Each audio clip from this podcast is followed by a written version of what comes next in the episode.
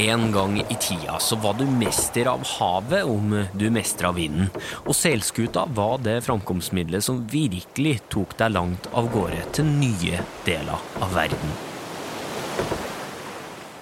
Men så ble de her seilene lagt litt bort når det plutselig dukka opp ny teknologi, og har vel stort sett bare fått vaie i vinden på mindre båter de siste hundre årene. Vel, i jakta på en utslippsfri verden er seilene på full vei tilbake. Denne gangen bedre enn noensinne.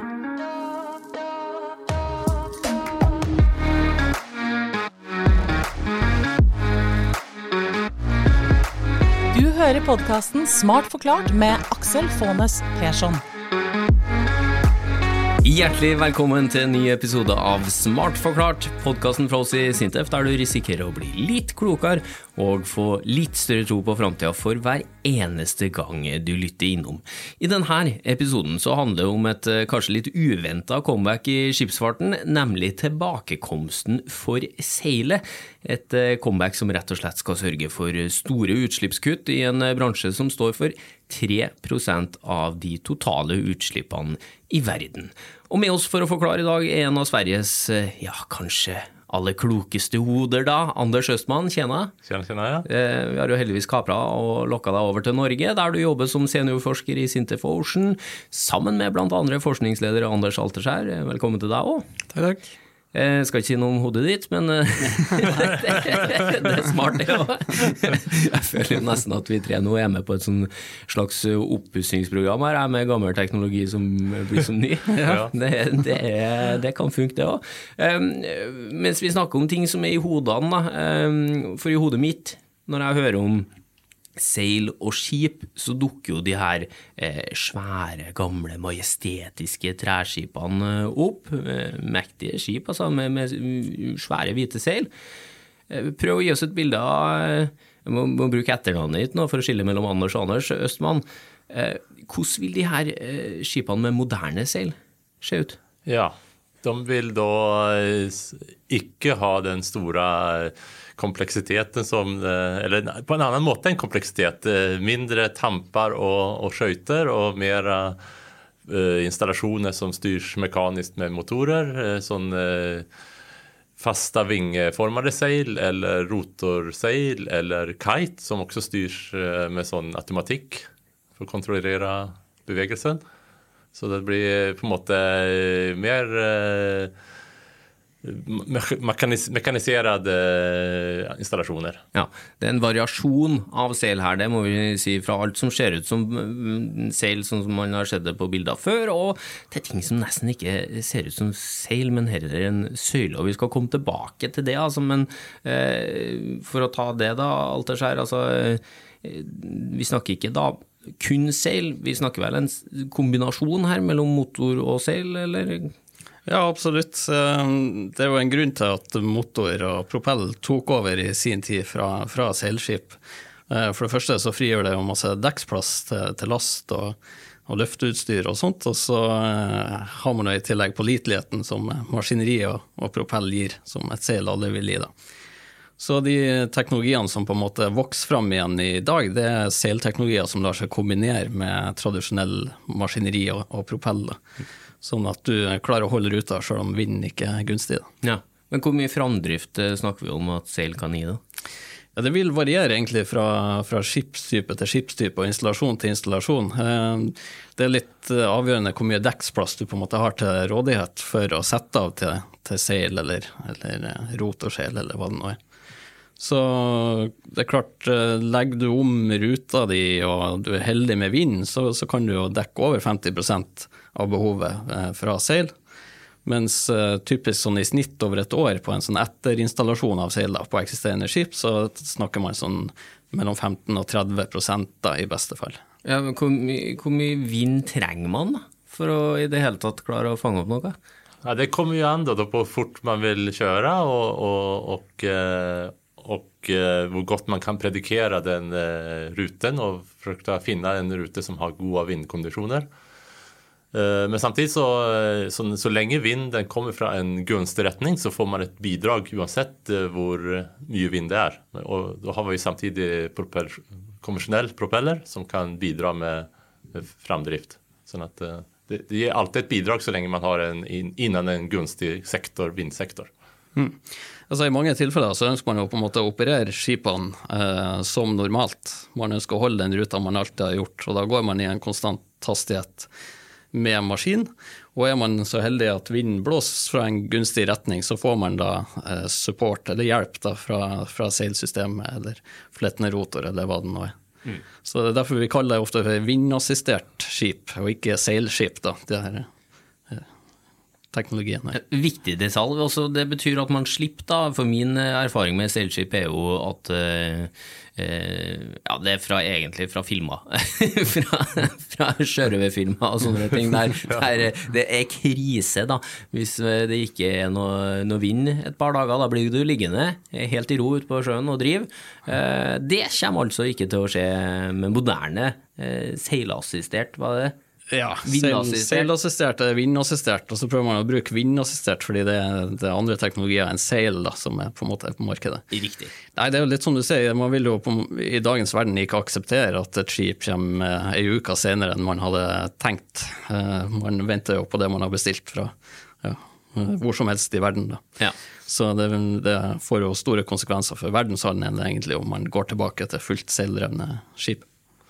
Ja, og, I tillegg må vi tenke på også at, eh, at det er viktig sånn sikkerhetsmessig at det er en viss eh, effekt eh, og en viss kraftig eh, styrke på skipet, så at en kan eh, komme seg vekk fra hvis det blir eh, kritiske situasjoner og, og, og, at en er på vei å drifte mot et eh, farlig område med grunn osv., så, videre, så så må en ha nok med kraft fra konvensjonell proveller for å komme seg unna i, i, i dårlig vær. Da. Ja, og så må vi jo bare eh, si det, for grunnen til at det her da gjeninnføres, eller er på vei til å bli gjeninnført eh, i stor skala, er jo rett og slett fordi at det kan kutte utslippene. Sa jo det i starten her, at 3% av verdens utslipp kommer fra skipsfarten, det stemmer? Ja, det stemmer det. Ja. Og man har jo eh, ganske ambisiøse mål både gjennom IMO, altså sjøfart, den internasjonale sjøfartsorganisasjonen, og innen EU og, og i Norge. Også ambisiøse mål om å kutte ned utslippene fra, fra shipping, fra maritim sektor. Og hvis man skal eh, klare, opprett, ja, klare å, å å gjennomføre de målene og de kuttene samtidig som man forventer en vekst i verdenshandelen, så må man faktisk kutte utslipp på opp mot en 75-80% fram mot 2050. Så det er jo enorme tall. Ja, for verden vokser, vi blir flere, og flere skal ha mer ting, og så må alt fraktes på en eller annen måte, og det mest effektive vi har er da sjøveien. Eh, Men hvor mye utslipp kan det spare oss for da, hvis vi begynner å ta i bruk seil?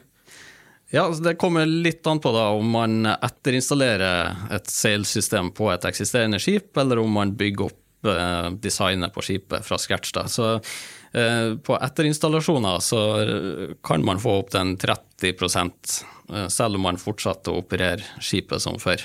Med forutsatt at man har nok dekksplass til det. da.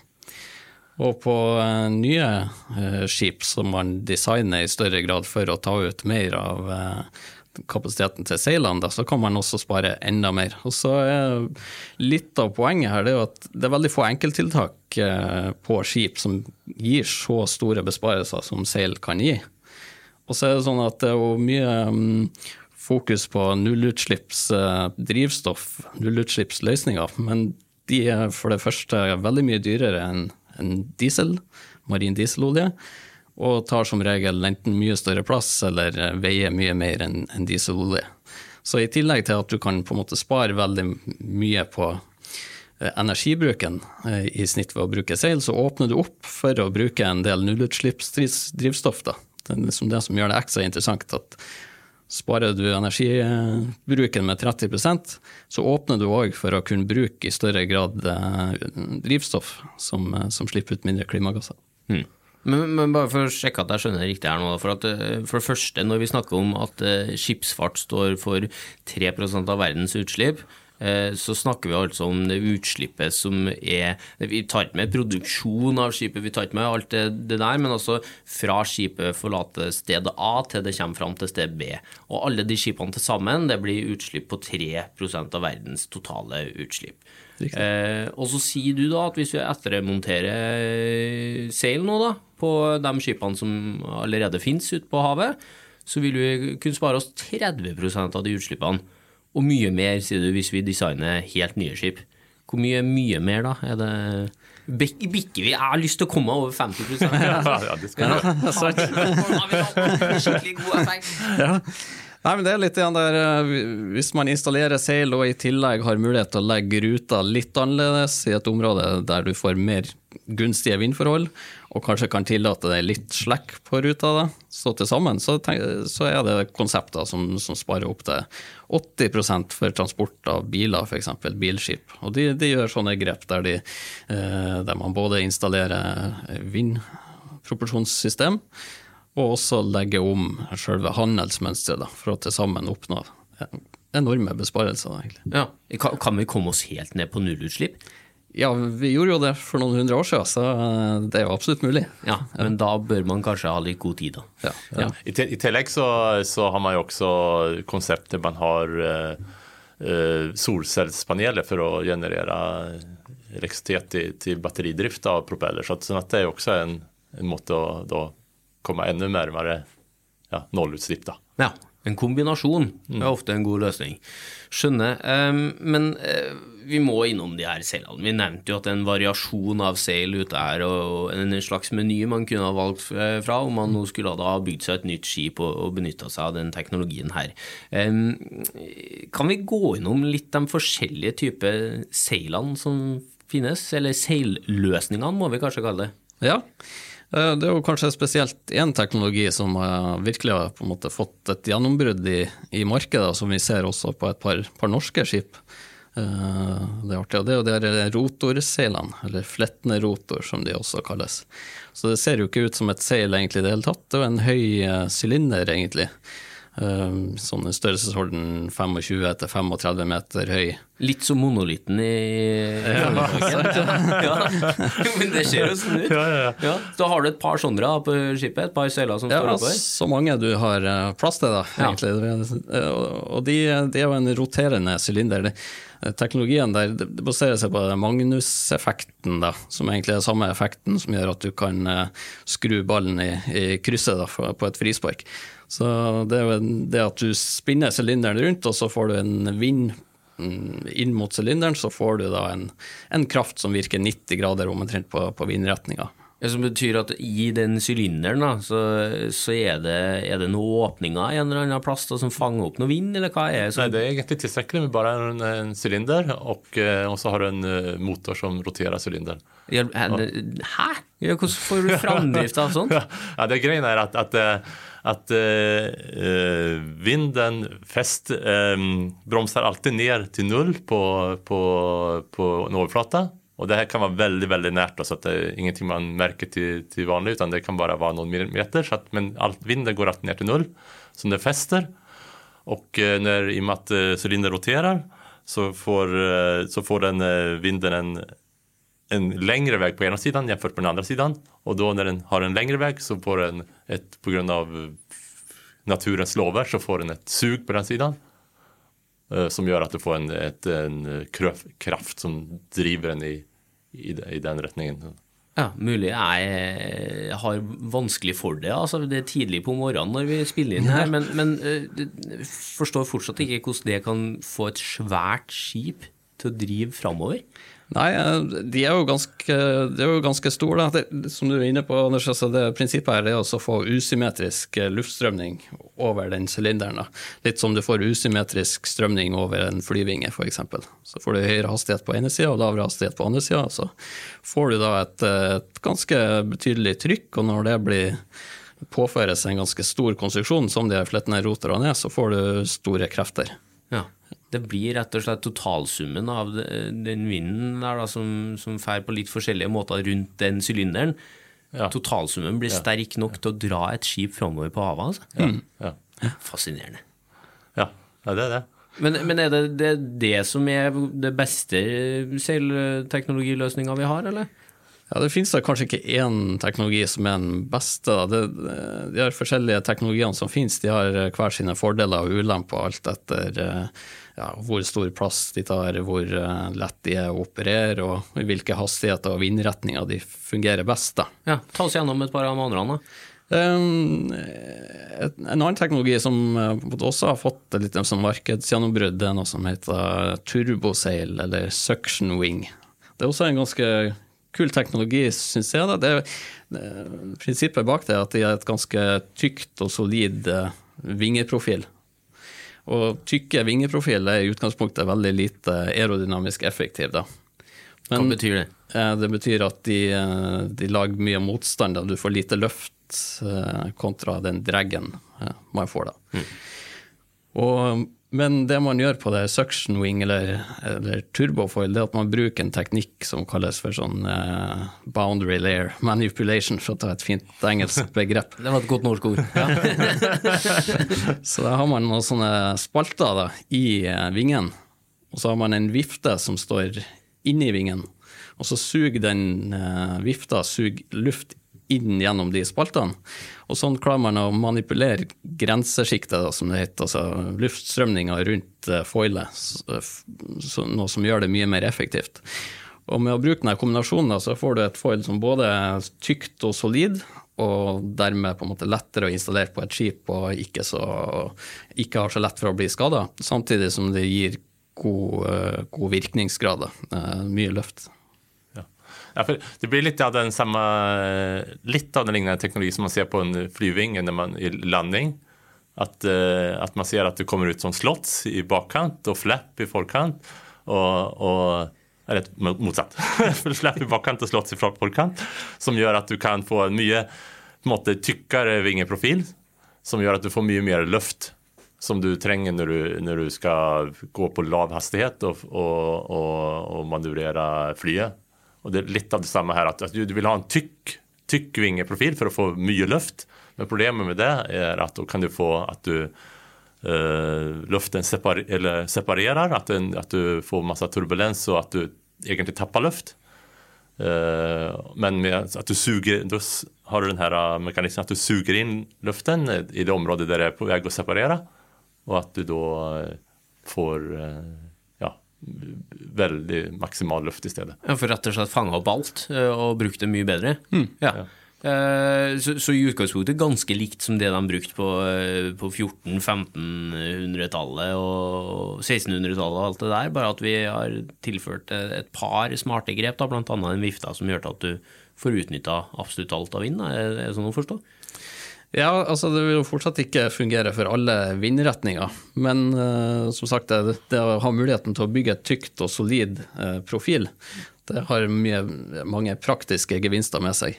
Og hvis man i tillegg kan bruke denne teknikken da, for å gjøre det aerodynamisk effektivt, så er det gunstig. Det er det som er Men, men altså, de der gamle seilskutene som jeg driver på å referere til hele tida, altså, der var det jo tunge, svære stoffseil, var ikke det? Eh, hva, er, hva er materialene på de seilene vi snakker om her nå? Det kan være glasfiber, og det kan være metall, og det kan være ja, Det er jo fortsatt For På kite, da, for eksempel, der har man jo fortsatt eh, måte stofflignende Ja, ta oss en tur innom kiten, for det er en litt sånn artig sånn ekstraløsning for riktig. enkelte Ja, nei, kiten det er en fin eh, løsning som egentlig er veldig komplementær mot de øvrige seilteknologiene. Fordi at eh, som vanlig seil fungerer ikke hvis du har vinden fra akterfra. For da, da vil du på en måte i sånne fall på en tradisjonell seilbåt du setter opp en spinnaker. Men det, det kan du ikke gjøre. Det, det er ikke noen eh, teknologi nå som har en sånn spinnakerløsning på skipene. Så da i så kan en kite være en, en løsning for å, for å utnytte vinden eh, når du får den fra, bakfra. Da. For det er en sånn sektor som er ja, optimal for kite, og som da er komplementær. Og I tillegg så er kite da en, en løsning som er lite plasskrevende eh, på skipet, sånn at den kan da lett på en måte ja, installeres i, i tillegg til øvrige seilløsninger. Ja, og for deg som ikke er kjent med fenomenet kite, da, eller kiting som enkelte driver på med som en slags ekstremsport, eh, det er jo at du, du slenger ut noe som ser ut som en drage, eh, sånn som du leka med da du var liten, kanskje. Eh, Det blir vel en Snakker vi en 20-30 meter da, med line, eller er det mer? Ja, mye mer. Er det mye Ja, ja. mer, ja? ja? for nå refererer jeg bare til sånn hobbykiting. Vi skal jo selvfølgelig skipskiting. ja, du skal nå upp en, en par hundre meter opp i luften og, og kanskje en tu, tusen kvadratmeters uh, kite. Ja. Så, eh, så finnes det noen løsninger som uh, kan brukes. Svære saker som rett og slett bare blir det, det drar skipet i fronten av skipet. ja, ja, ja. Och fördelen är också att du, at du sender den så høyt opp. at att där har du god vind og stabil vind og du har høyere vindhastighet enn du har nært eh, sjøoverflaten. Ja, hvordan klarer du at det der ikke bare detter rett ned i sjøen igjen da, når det først har kommet seg opp? Det er jo utfordringa når du står med en vanlig drage eller kite. da. Ja, riktig. Så, så de her eh, linene da, de går inn i et uh, vinsjsystem som er robotisert, og som da styrer kiten i noen forhåndsbestemte bevegelser. Da. Sånn gjerne i et åttetall for å fange så mye eh, areal som mulig i sin, på Ja. sin vei. Og nå merker jeg at vi hopper litt, fordi, eh, men jeg må bare stille spørsmålet nå og da. Eh, fordi det høres ut som når du da legger på eh, en del eh, seilløsninger på et skip, at det blir en del ekstra ting å følge med på. Men hvor automatisert vil det bli? Jeg tror det, det må bli ganske automatisert, for det, det er jo eh, det, tilbake til litt av grunnen til at maskiner dieselmotor og propell tok over i sin tid. Det er eh, mindre mannskapskrevende enn det å drive og håndtere et stort seilsystem. Så ser vi de seilløsningene eller teknologiene som, som er på vei å få sitt gjennombrudd nå, da, som flettende rotor og, og rotorseil. Eh, Det er kanskje litt nettopp fordi at de er veldig enkle å håndtere da, for mannskapet om bord. Rotasjonshastigheten på de rotorene og, og vinkel på de rotorseilene, eller ikke rotorseilene, men, eh, men eh, turboseilene, de, de, de stilles automatisk, da, sånn at man måler vindhastighet og vindretning om bord på skipet, og så har man et kontrollsystem som bestemmer hvordan, eh, hvordan seilene skal opereres.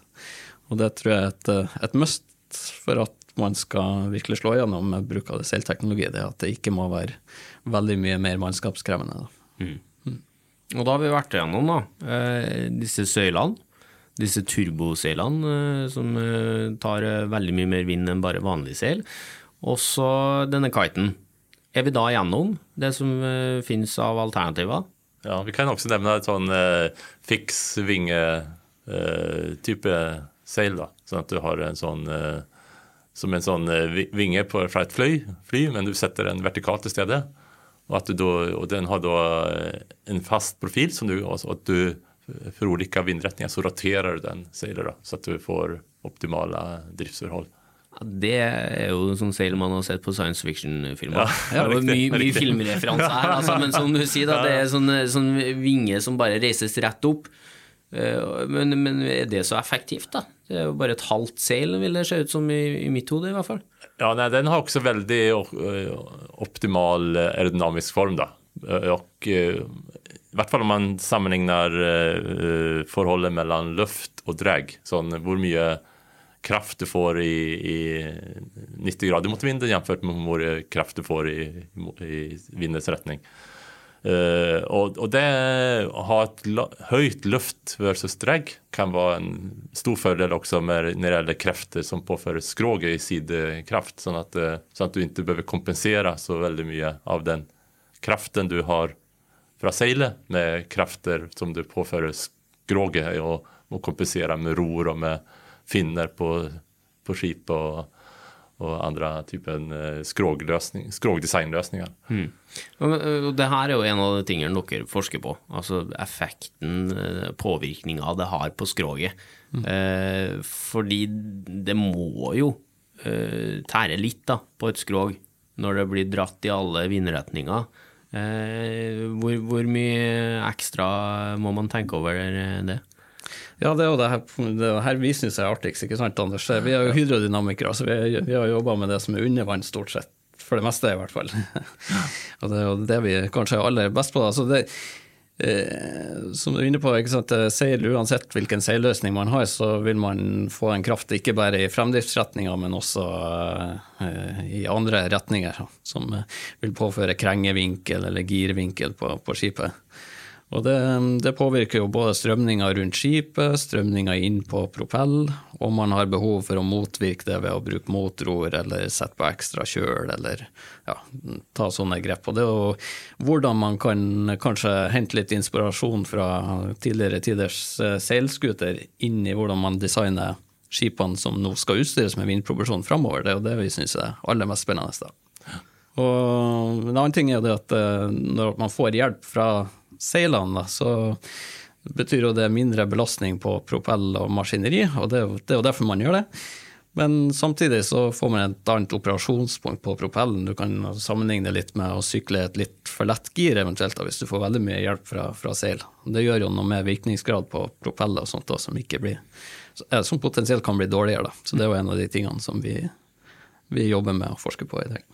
Men nå er vi jo inne på utfordringer her. For det er jo som alt annet, da. Hadde det ikke vært noen utfordringer her, så hadde jo, hadde jo skjedd eh, skip med seil overalt allerede. Ja. Eh, hva er det som gjør til at det tar litt tid?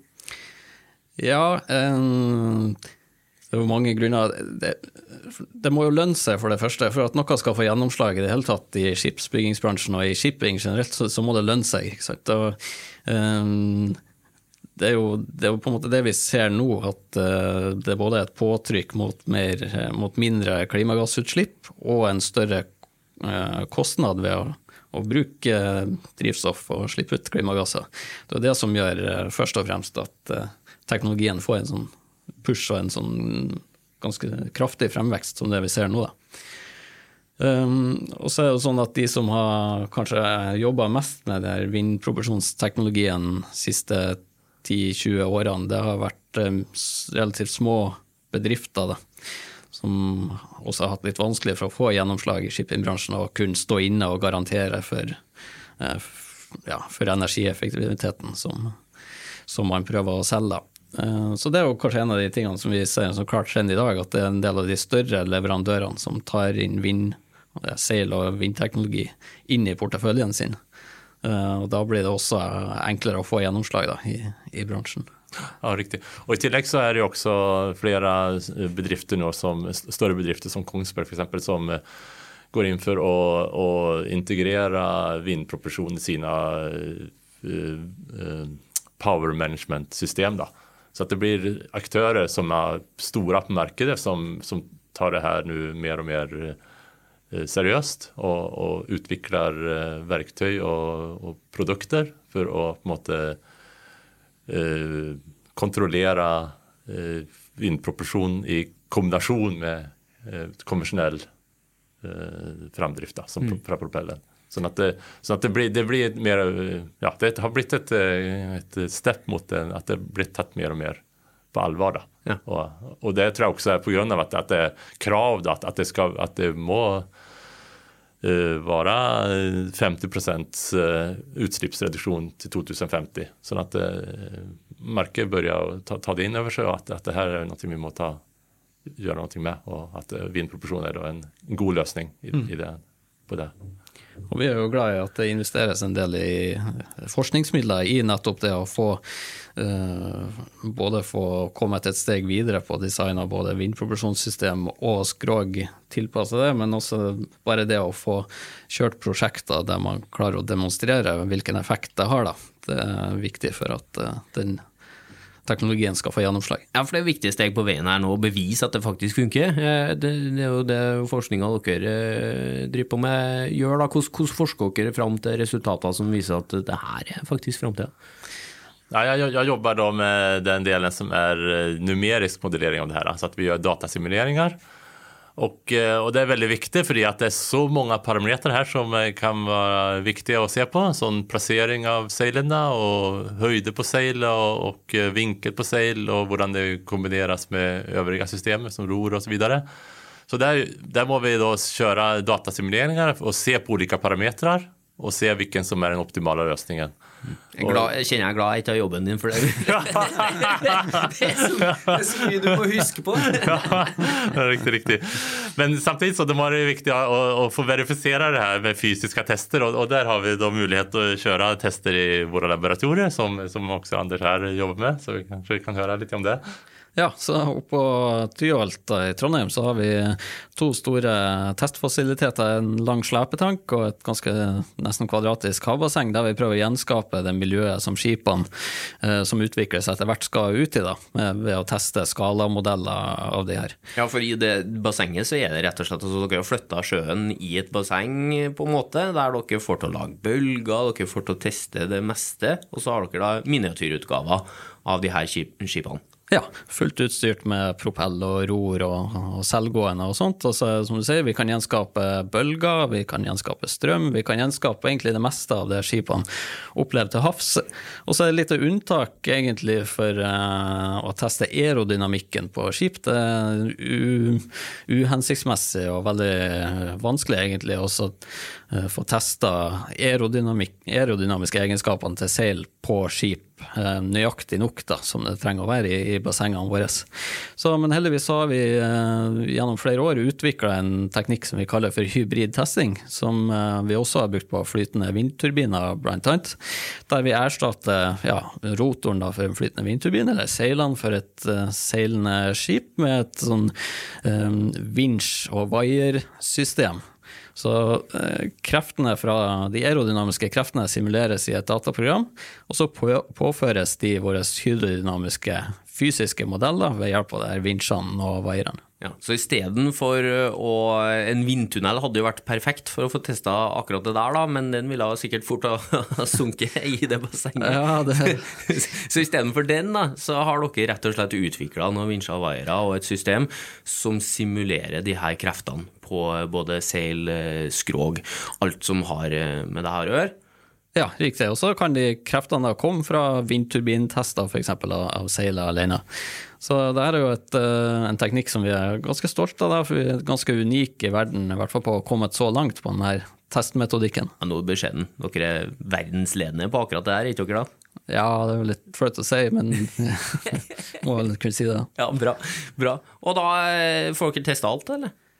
Vi får testa mye, eh, men så er det nå dessverre sånn at eh, de bassengene som, som vi har i dag, også slepetanken er fra 1939 og havbassenget fra 1980 omtrent, og det er ikke utforma og utstyrt egentlig til å, å gjøre alt det som, som trengs, da bl.a. på, på seilende vindassisterte skip, dessverre. Derfor så håper vi også inderlig da, at den prosessen vi har begynt nå med å bygge nye laboratorier som virkelig er fremtidsretta og um, egentlig sånn som vi utformer dem nå, skreddersydd for å ta, takle de her utfordringene som, som vi skal gjennom, som, eh, både som nasjon og, og globalt sett framover. Uh, der mye ny teknologi skal utvikles, og som har behov for laboratorier. At det, at det ikke blir satt på vent. da. Mm. Håper vi. Ocean Space Center vi sikter til der, da, rett og slett en veldig viktig investering for havnasjonen Norge hvis vi skal ta store steg framover. Og vil du høre mer om mulighetene Ocean Space Center kan gi oss, så finner du en egen episode om det i arkivet til Smart forklart. Men eh, tilbake til denne seilteknologien. Altså, hvilken type skip eh, man ser for seg at kommer til å bruke en løsning med seil? Ja, I utgangspunktet så kan jo alle skip benytte seg av, av seil, men så er det en del eh, praktiske årsaker til at f.eks. containerskip vil ha vanskeligheter med å få eh, plass arrangementsmessig til seilene på dekk. Eh, men bulkskip og, og tankskip, og spesielt av tankskip, ser vi jo allerede har fått en del installasjoner av seil på plass. Ja, for det er noen som allerede har begynt å bruke det? Riktig. Det er en uh, rundt uh, 10-15 store sånn havgående frakteskip, da, sånn som krysser Atlanteren og Stillehavet, som har vindproduksjonssystemer installert, og en kanskje 20-30 mindre sånn, eh, som går langs kysten og, og frakter mindre mengder last eller passasjerfartøy. Ja, men Vi snakker først og fremst svære skip som skal gå over svære distanser? Ja, ja det er eh, trygge vindforhold, stadige vindforhold. og, og ja, du har store skip som ikke går så veldig fort. Eh, sånn at da kan du sette store eh, vindpropulser på dem og eh, få ja, god gevinst av vinden. da. Og, og bulkskip er jo da Hva er det? Ja, det er jo et frakteskip da, som frakter ting i bulk. Så Ja. det, det kan jo være hva som helst av last. da. Eh, Så det er typisk sånn eh, type skip som frakter mye forskjellig. Korn og Ja, korn og ja, mye forskjellig. Ja, du skal slippe å nevne alt. men, men det snakkes jo om eh, cruiseskipbransjen. Er jo interessert i det her òg, har jeg forstått? Ja da, vi har jo et prosjekt gående og har hatt et prosjekt tidligere på, på et eh, konsept for nullutslippsekspedisjonscruiseskip. eh, Så der seil er en del av eh, løsninga for å komme ned til null utslipp. Og det er jo en, kjempeinteressant. Det er jo, en del, det er jo et marked eh, for den type cruise, der man kan tenke seg at en del av de som vil på det cruiset, også er ganske miljøbevisst. Og hvis man skal seile opp i arktiske strøk eller i Antarktis, så, eh, så er det jo på en måte ekstra viktig å ha et eh, bevisst forhold til klimagassutslipp. Så. Mm. Kanskje unngå i de sørligere strøk der folk er gira på sol, da, og gå for deres største selene og heller gå for en sånn. Du, hva sier skipsbransjen sjøl til, til seil? Jeg tror de nå begynner komme se, ser det mer, mer og mer eh, at det kan være en god løsning. At, eh, from, at vi har skeptisk eh, i tidligere med å se at det er en veldig å, ha innstilling at det er et veldig komplekst system og, og eh, vanskelig å håndtere, og at det har kanskje mer kost, enn nytte. Så tror jeg at det nå begynner å bli mer og mer interesse eh, blant store redere for denne typen løsninger. Mm. Og så bør man jo kanskje da begynne å, å vurdere da, på sånn frakt og sånn om man uh, må endre litt tankegang på hvor fort det skal gå. Eh, for hvis man vil helt ned på nullutslipp, som dere sa, så, så må man jo faktisk da ja, beregne at det går kanskje ikke like fort da som en motor. Ja, absolutt. Hvis, eh, hvis vi har, har mulighet til å justere eh, skjema på, på ankomst, så, så kan det absolutt være en stor gevinst hva det gjelder mulighet til å, å få et større andel av energien fra vinden. Men hva mer må gjøres nå, da? Eh, fordi dere forsker jo hver dag på det her. Vi kommer oss hele tida eh, ett skritt nærmere en eh, verden der det blir helt normalt å se svære skip med, med seilløsninger, da. Hva må vi gjøre videre nå, da, for å komme i mål med det her, sånn at vi får kutta en stor del av de tre prosentene av verdens utslipp? Nei, Vinden blåser jo rett vei. da. Det er jo flere som tar det i bruk, både der, eh, av større skip som krysser de store verdenshavene, men det er artig å se at det også tas i bruk av eh, fartøy som går langs norskekysten nå. da. Også norske redere som begynner å ta i bruk eh, løsning for seil eller flettende roter. Ja, for det trenger ikke nødvendigvis, sånn som vi sa, å bare være lange distanser. altså. Nei, det er absolutt ikke. Altså, vi er jo heldige langs norskekysten og også ruta fra eh, Norge og ned til Europa. Så, så har man gunstige vindforhold i form av både vindretning og vindstyrke, som gjør at man har god nytte av bruk av seil. Fantastisk. The future is bright. Ja. Yes. Ja. Men, men ok, beklager, avbryt deg. Hvordan skal vi komme oss dit, sa du? Nei, jeg tenker at det, det er viktig å tørre nå å investere i, i forskning og utvikling på de her systemene. Altså, nå er vi på rett vei, og så er det fortsatt en vei å gå i forhold til at rederne, skipseierne, shippingbransjen som helhet skal føle en trygghet i å installere sånne systemer om bord på skipene sine. Og Da gjenstår det litt både på det og metodikk for å dokumentere energieffektivitet av seil, hvordan du på en måte får eh, klassifisert skipet ditt med seil, og eh, rett og slett det å, å få flere prototyper ute i, i drift, som viser at det her faktisk funker. Mm. Har det potensialet til å gjøre. Kjempemessig, og tusen takk for den jobben eh, dere gjør på det her. Anders og Anders, det var jo en fryd å ha dere på besøk her i Smartfolka, må jeg si. Ja, trivelig å være her. Ja, Triveligere enn dere frykta? Ja, si det. Eh, takk for at dere tok dere tid til å stikke innom, da. Eh, takk også til deg som hører på. Det er veldig artig at det kommer inn etterlysning når det av og til går noen dager for lenge mellom hver episode som publiseres fra oss. Sånn blir det noen ganger. Det går litt i rykk og napp, men veldig hyggelig at så mange hører på oss og bryr seg om det vi lager. Har du noe på hjertet, ris, ros eller innspill til hva vi bør snakke om, så kan du sende oss en e-post når som helst til smartforklart alfakrøll sintef.no. Smartforklart i ett ord, alfakrøll sintef.no. Og så må du gjerne spre ordet om denne podkasten hvis du har noen i nærheten av deg som trenger å få litt framtidshåp. Og så finner du alltids ferskt forskningsstoff på sintef.no, gemini.no eller Sintef-bloggen. Nye episoder av Smart forklart kommer om ikke så altfor lenge, og i ventetida fram til da skal forskerne her i Sintef fortsette å utvikle teknologi for et bedre samfunn.